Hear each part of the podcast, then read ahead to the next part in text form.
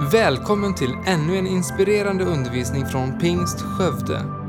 En kyrka som lever för att få se förvandlade liv. Vi hoppas att Guds ord ska tala in i ditt liv och hjälpa dig vidare i livet med Jesus. Vill du veta mer om vår kyrka eller komma i kontakt med oss så besök gärna vår hemsida. www.skövdepingst.se Jag har ett bibelord idag som eh, går i linje med påskens budskap. Vi ska läsa det i Johannes kapitel 3. Den 14 versen till den 16. Johannes 3 och 16 brukar alla känna till, men vi ska backa upp två verser. Johannes 3, 14 till 16, men innan vi läser så ber vi tillsammans. Fader Gud, i Jesu namn, vi ber just nu att du ska tala till oss. Vi ber om den stora nåden, att vi får höra din röst. Där vi i vårt inre bara vet att vi har hört från dig. Därför att vi har inte kommit hit för att vi är intresserade av någon människa. Vi har inte kommit hit för att vi är intresserade av att bara genomföra någon kyrklig ritual. Utan vi har kommit hit idag för att vi vill möta dig. Vi har ett behov av det, att höra från dig. Jag ber för varje människa som har kommit hit idag, varifrån man än kommer, vilken situation man än kom, kommer ur, vilka omständigheter man än har varit med om, att man får höra dina ord som förvandlar våra liv. Ge ljus i hela vårt inre. Åh, över din vilja, över din väg som du har med var och en av oss. I Jesu namn. Amen. Johannes 3, så läser vi vers 14 till 16. Och liksom Mose upphöjde ormen i öknen så måste Människosonen bli upphöjd för att var och en som tror på honom skall ha evigt liv. Ty så älskade Gud världen att han utgav sin enfödde son för att den som tror på honom inte skall gå förlorad utan ha evigt liv. Det här är underbara verser.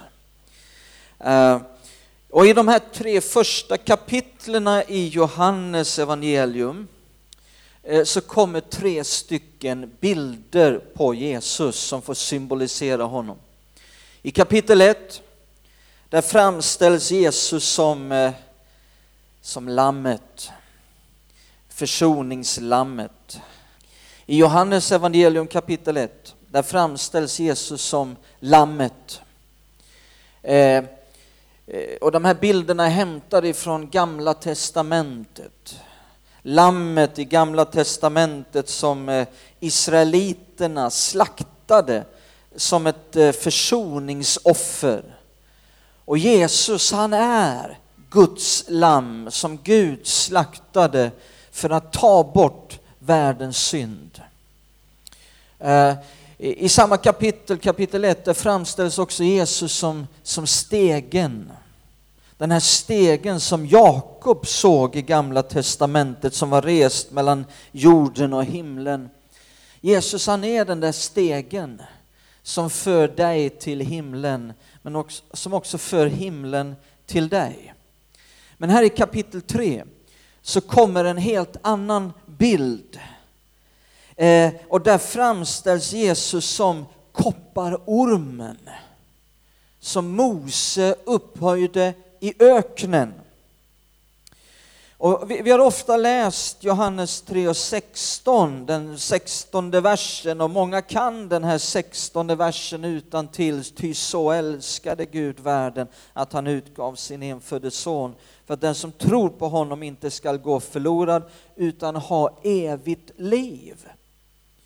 Men eh, har du någonsin backat upp ett par versar och, och förstått i vilken kontext som denna vers står? Ty så älskade Gud. Vad är det som får författaren att säga ty så älskade Gud? Jo, det är för att det finns en kontext där Jesus framställs som kopparormen i öknen. Och det är när man fattar den kontexten, det är då man fattar hur stor Guds kärlek är till dig och till varje människa. Vi ska läsa det här sammanhanget i fjärde Mosebok där Mose upphöjer kopparormen i öknen för att bättre förstå det här. Fjärde Mosebok 21. Fjärde Mosebok 21. Ska vi läsa den här lilla berättelsen från vers 4 till vers 9. Israeliten har ju precis eh, kommit ut ur Egypten och genom Röda havet och så har de gått en liten bit här i vildmarken. Och då står det här, de bröt upp från berget Hor och tog vägen mot Röda havet för att gå omkring i Edoms land, men under vägen blev folket otåligt. Ja, det blev de ju stup i kvarten, otåliga. Och folket talade mot Gud och mot Mose och sa Varför har ni fört oss upp ur Egypten så att vi måste dö i öknen? Här finns ju varken bröd eller vatten och vår själ avskyr den eländiga mat vi får. Här gnäller de och klagar. Eh, de hade manna varje dag, men det dög ju inte för dem. Då sände Herren giftiga ormar bland folket och de bet folket och många i Israel dog. Då kom folket till Mose och sa, vi har syndat genom att vi talade mot Herren och mot dig. Be till Herren att han tar bort dessa ormar från oss. Och Mose bad för folket. Herren sa till Mose, gör dig en orm och sätt upp den på en påle. Den som har blivit ormbiten och ser på den ska leva. Mose gjorde då en kopparorm och satte upp den på en påle. Om någon blev biten av en orm fäste han blicken på kopparormen och fick leva. Jag kan slänga upp den första bilden här. Eh, här har vi då ett, eh, ett stort ormproblem i israeliternas... Får ni upp bildet? Ja, men eh, första rubriken då. Nästa, bild två.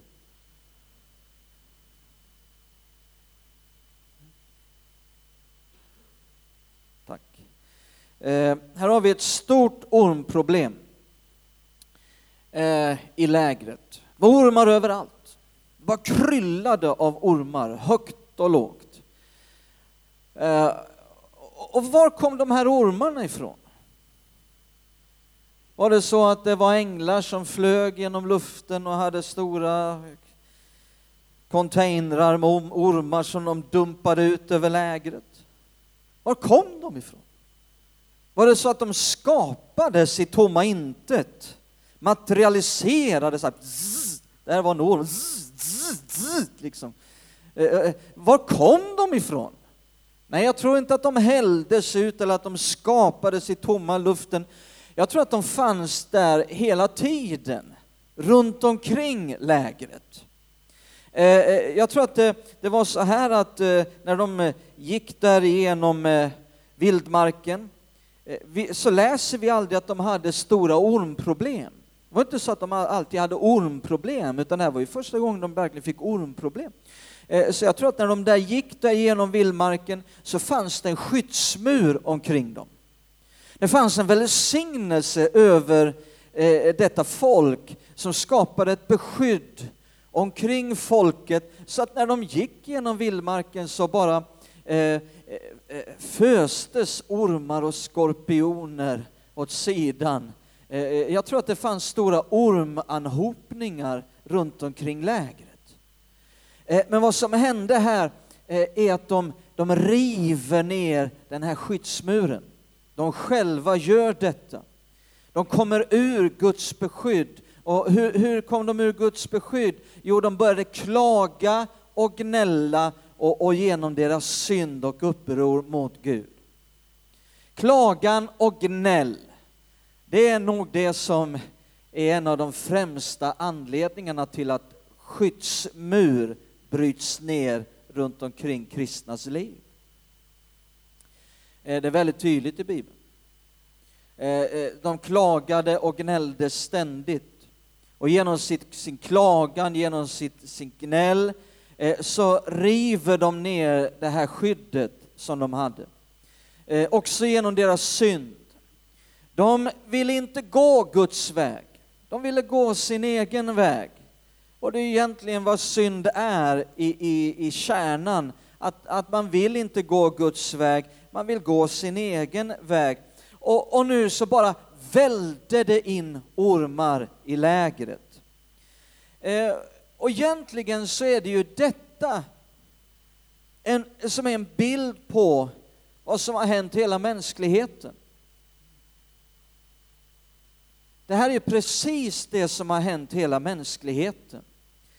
Innan syndafallet i Edens lustgård med Adam och Eva, eh, det fanns en skyddsmur omkring dem. Det fanns ett härligt Guds beskydd över deras liv. Men så kom Satan i Edens lustgård. Och i vilken gestalt kom han? Som en orm. För att göra en lång story kort, när de valde att vända Gud ryggen och följa Satans vilja och de bet i frukten från trädet som ger kunskap om gott och ont. I samma stund som de bet så skedde samtidigt ett ormbett av Satan i hela mänskligheten. Det skedde samtidigt ett bett av ormen i hela mänskligheten. Mänskligheten är ett ormbitet släkte. Och när ormen bet i mänskligheten så spred den här ormens gift ut i hela mänskligheten.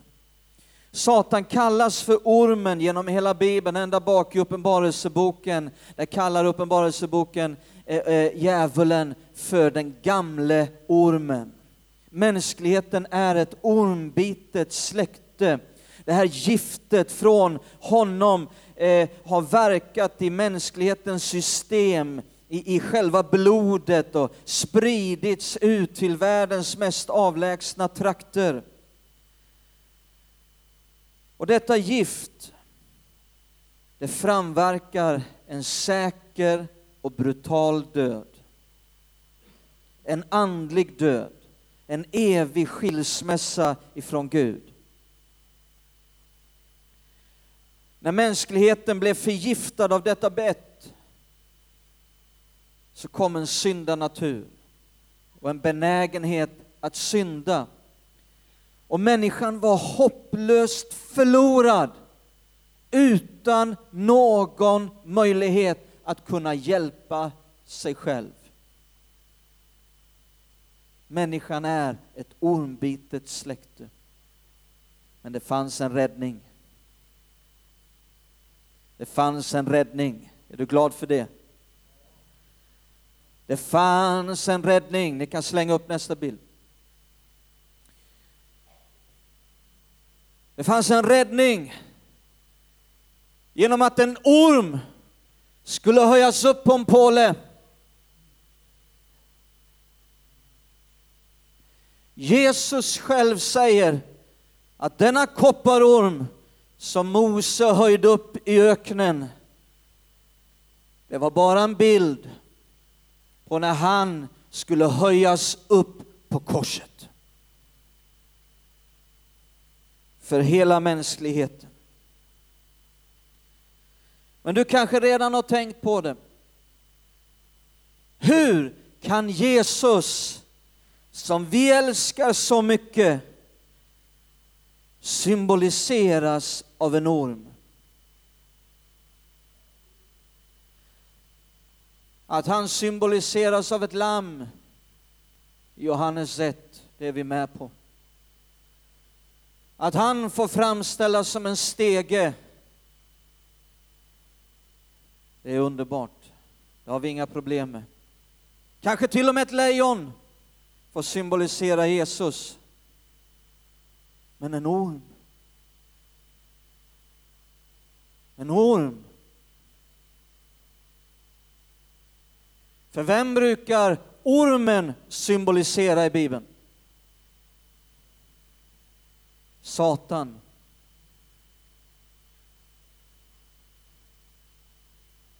Vad handlar detta om? Inte bara framställs Jesus som en orm, utan som en kopparorm. Och koppar och den röda färgen genom hela Bibeln symboliserar synd. Syndens symbolfärg Bibeln är inte svart, den är röd. Gud säger, om än er synd är röd som scharlakan, så ska den bli vit som snö. Och i de gammaltestamentliga ritualerna kring tabernaklet och templet så användes ofta koppar som ett material som fick symbolisera synd. Det var en kopparorm som symboliserar Jesus. Vad är det detta handlar om? Det handlar om de tre sista timmarna på korset. När Jesus blev gjord hel och hållen till all mänsklighets synd. De värsta mänskliga brott vi överhuvudtaget kan fantisera om. Hitlers alla synder, Stalins alla synder, de värsta pedofilövergrepp, de värsta brott emot mänskligheten, de värsta våldsdåd vi någonsin kan komma på. blev Jesus gjord till som om det var han som hade gjort det. Han den mest rättfärdige som någonsin har gått på den här jorden. Han som var utan fläck. Han tog det. Han blev gjord till det. Eh, han bar inte synden i en korg, min vän. Han blev gjord till den. Ande, själ och kropp. Och det är detta som Jesus svettas blod över i Getsemane kvällen innan. Den kvällen, den sista kvällen med lärjungarna när han gick ut för att be i Getsemane så står det att ångesten blev outhärdlig. Han svettades blod. Sån mental stress hade Jesus. Han säger till Fadern, låt den här kalken gå ifrån mig. Fadern visade honom en kalk med synden som han var tvungen att dricka in och bli gjord till hel och hållen. Och han säger, låt den här kalken gå ifrån mig. Finns det något annat sätt? Det fanns inget annat sätt. Men så säger Jesus, Fader, inte min vilja ska ske utan din.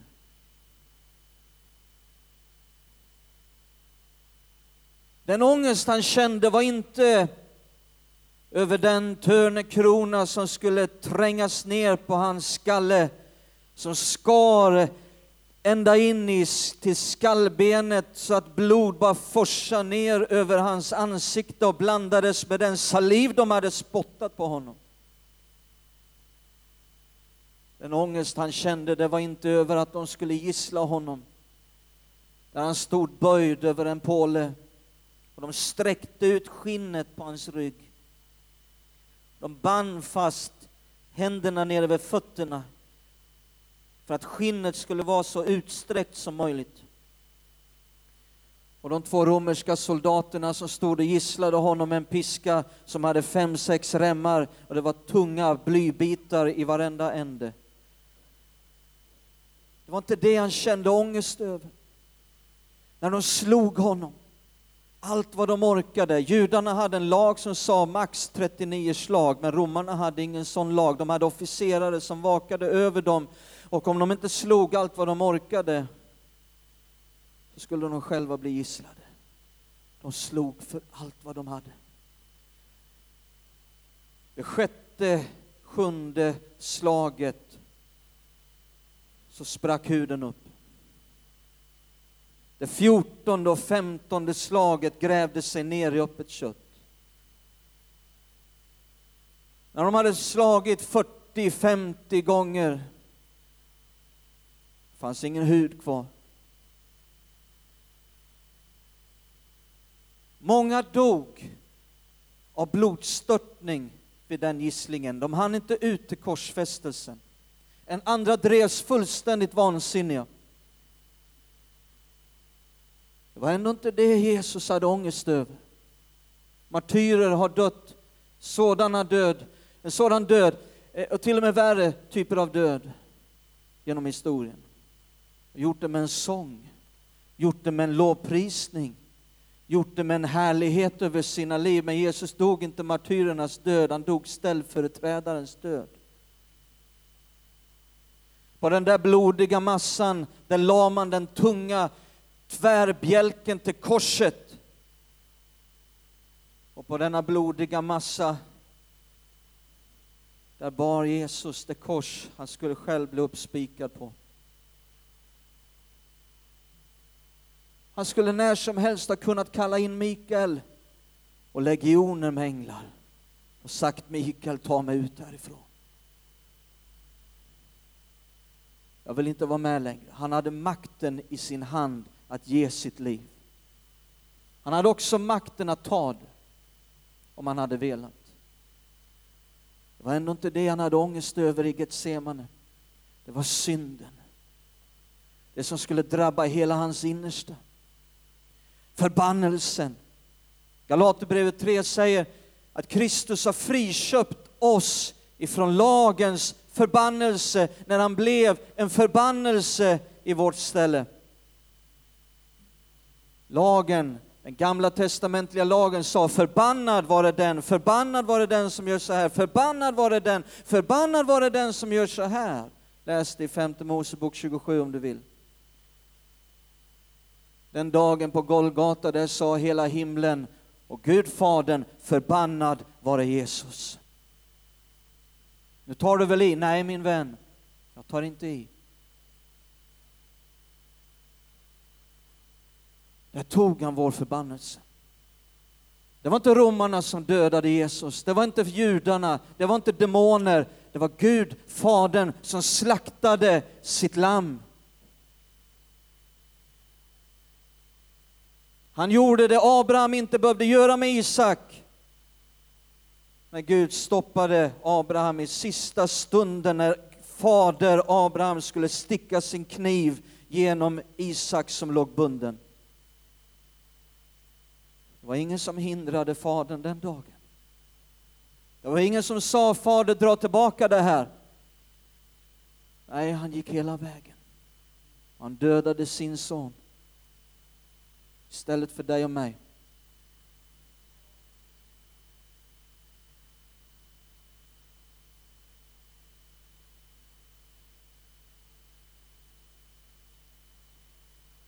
Det är kopparormen som höjs upp.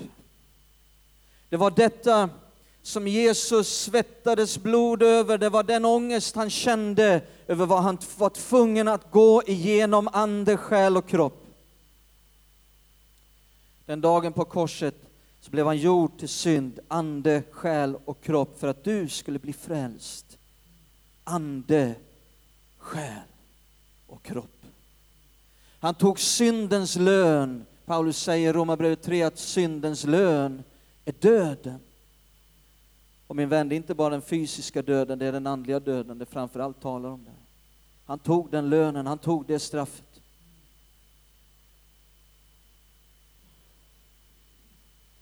Han är kopparormen. Under de tre timmarna på korset. Det var det han hade ångest över. Och vet du vad?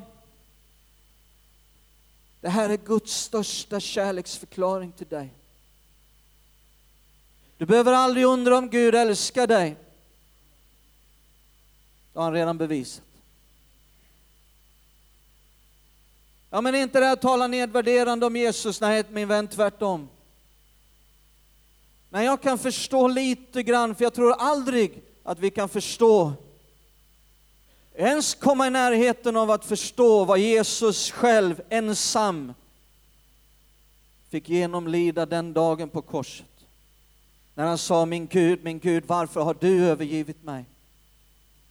När till och med Fadern var tvungen att vända bort sitt ansikte i den stunden. Han var helt ensam. Om jag kan förstå lite grann av vad han fick gå igenom den dagen för min skull,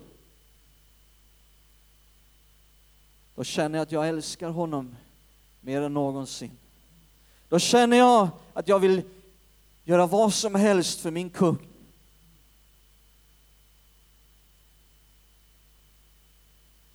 Då säger jag och känner Jesus, dig tillhör all ära.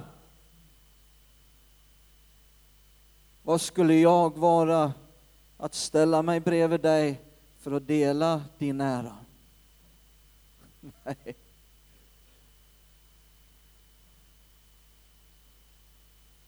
Kanske att jag också får vara med den dag då Uppenbarelseboken talar om när de som hade fått kronor av Gud kommer fram inför Lammet och böjer sina knän. Tar av sig sina kronor.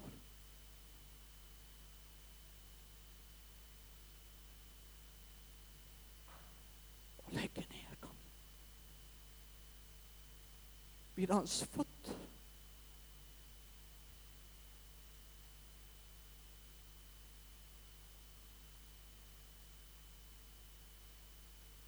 Det här är kopparormen som upphöjdes i öknen.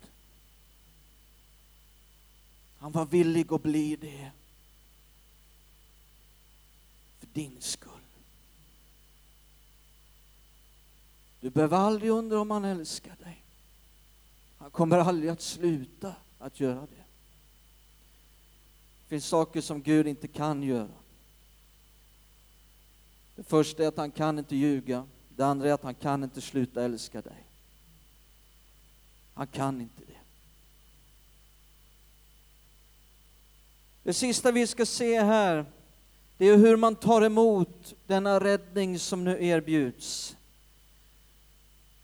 I det fjärde Mosebok,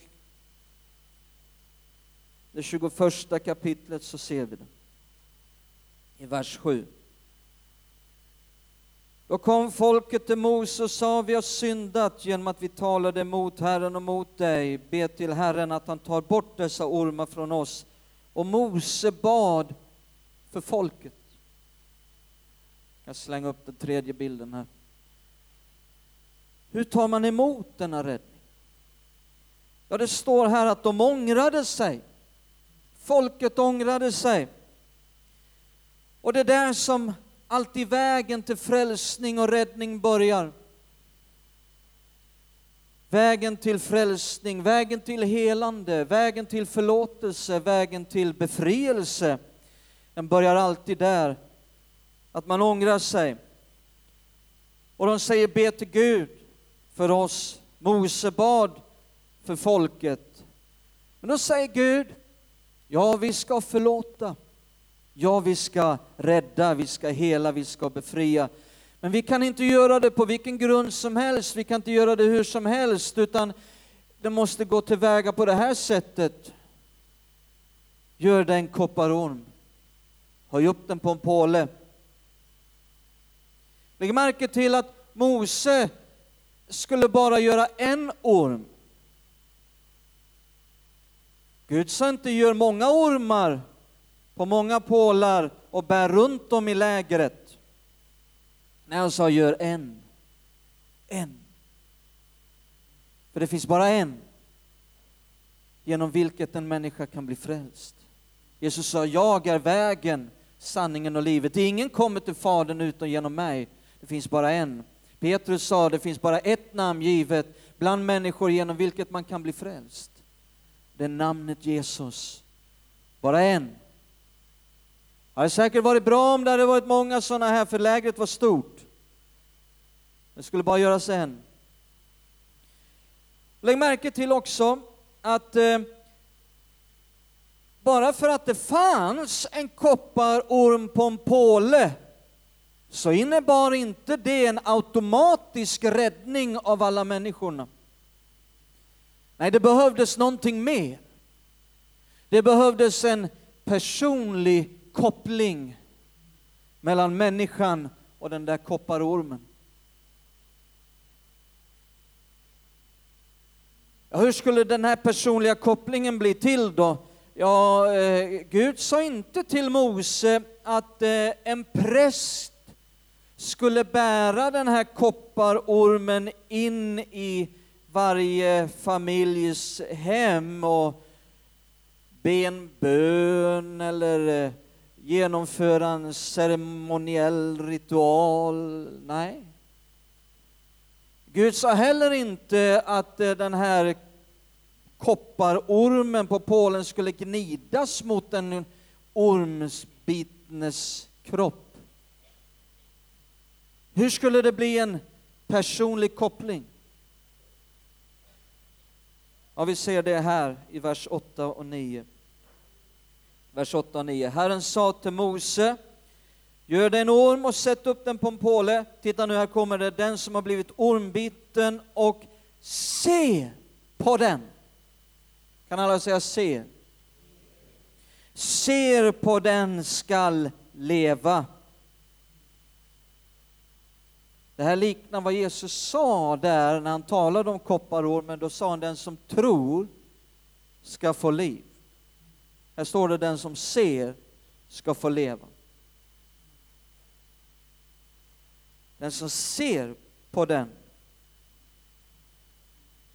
ska leva. Titta vers 9. Mose gjorde då en kopparorm och satte upp den på en påle om någon blev biten av en orm.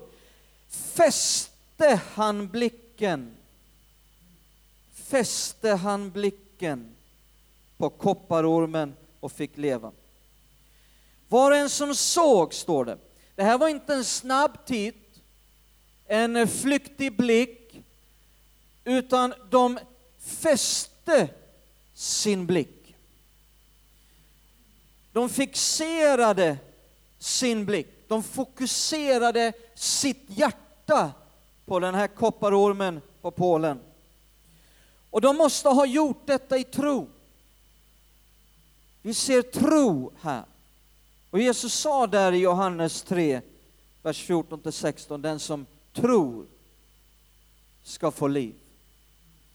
Det är samma sak här. Fast det står se. Du kanske tänker så här att, ja men det var väl inte svårt att se på den.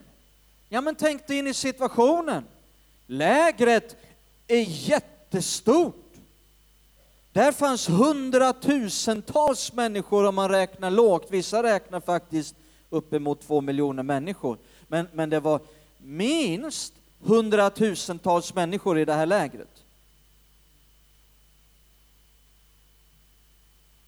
Eh, du måste ha rest på dig och gått en ansenlig sträcka innan du överhuvudtaget fick syn på den där ormen.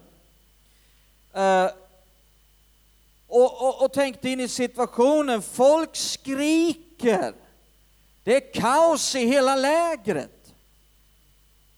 Folk blir ormbitna överallt. Tänk dig in hur det kunde vara för någon mamma har precis blivit ormbiten och ups, där dog hon. Pappa har blivit ormbiten.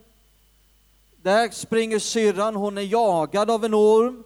Och själv har du blivit ormbiten och känner hur giftet sprider sig i hela din kropp. Och så kommer någon och säger, det ryktas att Mose står med en kopparorm på en påle och den som ser på den, han, eh, han får leva. Att i det här läget resa på sig och ta sig den ansenliga sträckan för att få en skymt av den där kopparormen, det är tro. Där ser vi tro.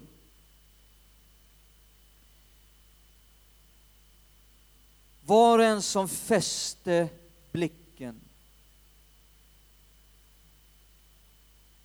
han blev förlåten.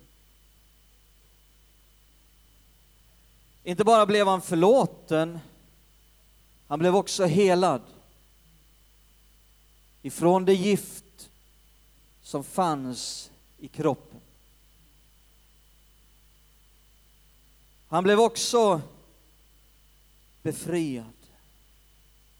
Jag tror att det skedde också en befrielse från dessa ormar. Är inte det är fantastiskt? En sån underbar bild på korset. Därför att då, om inte de hade blivit befriade från ormarna, då hade de ju bara bitit dem igen efter att de hade blivit helade. Vet ni vad, jag, jag tror att det var en gigantisk ormbefrielse på något sätt, jag vet inte hur, men tillåt mig fantisera att änglarna var där och bara drev dem långt ut i bushen. Kanske tog dem i händerna och bara smockade iväg dem. Långt ut i bushen. Vet du vad? Det är dit som Gud vill kasta allting som binder dig. Han vill kasta det långt ut i bushen och ge dig frihet och befrielse. Dessa blev förlåtna, de blev räddade, de blev helade, de blev befriade under en bild. För det var vad kopparormen var, det var bara en skuggbild, det var inte det verkliga. Och då tänker jag så här, att om de kunde bli räddade, förlåtna, helade, befriade under en skuggbild. Hur mycket mer kan inte då vi bli räddade, förlåtna, helade, befriade, vi som lever under det verkliga? Halleluja. Där var det nära, till och med pingstvännerna sa halleluja. Prisad vare Herren. Där kände ni, kände ni hur det satt fint där i munnen liksom. Åh, det bara bubblade ett halleluja på insidan. Vi lever under det verkliga. Jesus, han inte bara dog denna brutala död.